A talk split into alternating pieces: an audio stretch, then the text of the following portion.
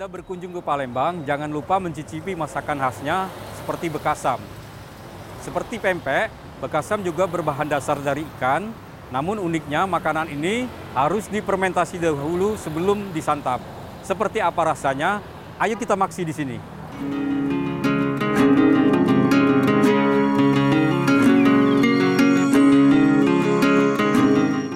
Kuliner Bekasam saat ini memang agak susah dicari karena hanya rumah makan tertentu yang masih menghidangkannya. Salah satunya adalah warung nasi uduk Siru yang terletak di Jalan Kolonel Haji Barlian.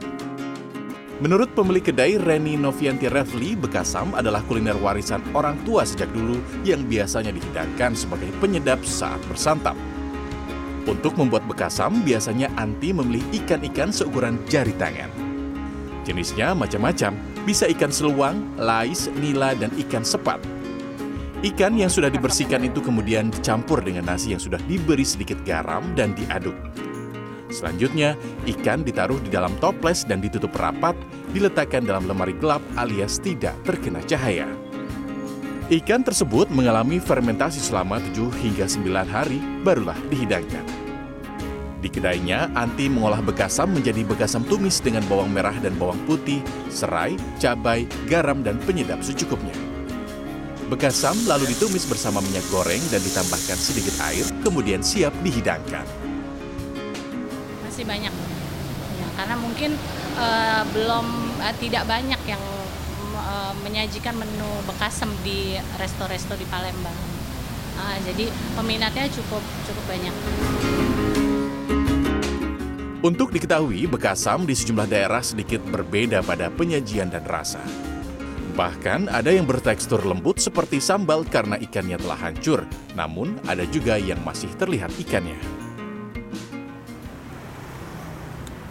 Bekasam ini rasanya ada asin, ada asam, mungkin karena campuran nasi dan garam sebagai bahan fermentasinya. Saat dicocol dengan tahu ini rasanya uh, gurih dan lezat. Ayo kita makan. Para pelanggan biasanya datang untuk menikmati kuliner yang menjadi buruannya. Mereka biasanya minta dihidangkan menu utama seperti ayam goreng, ayam bakar, pindang, dan tentu ditambah bekasam. Terus kalau siang kan sering mencari bekasam ke sini. Pas di sini ada menu yang seperti ini ya. Rasanya pas, enak di mulut, rempah-rempahnya terasa, nggak terlalu asin, pedasnya pas.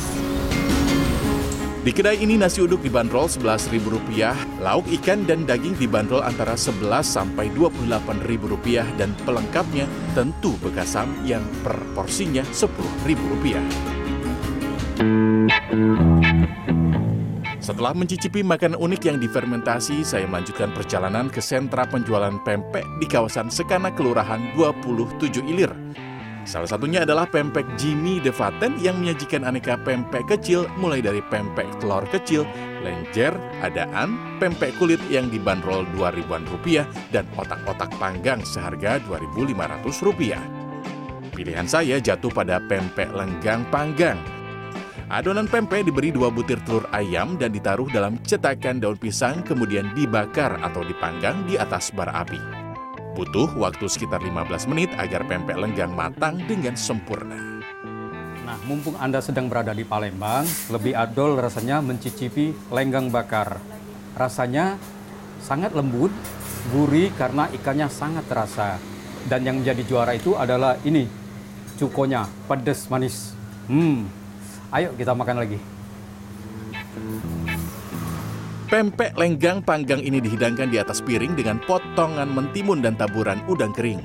Kemudian disiram dengan saus cuko kental yang aromanya benar-benar menggugah selera.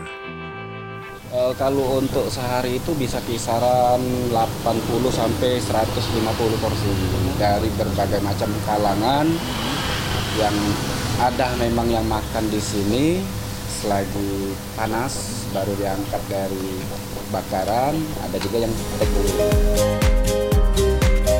Nah, sebenarnya masih banyak kuliner nikmat khas Palembang lainnya. Tinggal Anda sendiri yang memutuskan untuk mencoba kuliner yang cocok dan diinginkan untuk santapan siang. Dono Purwanto, Beni Apriyadi, Palembang, Sumatera Selatan.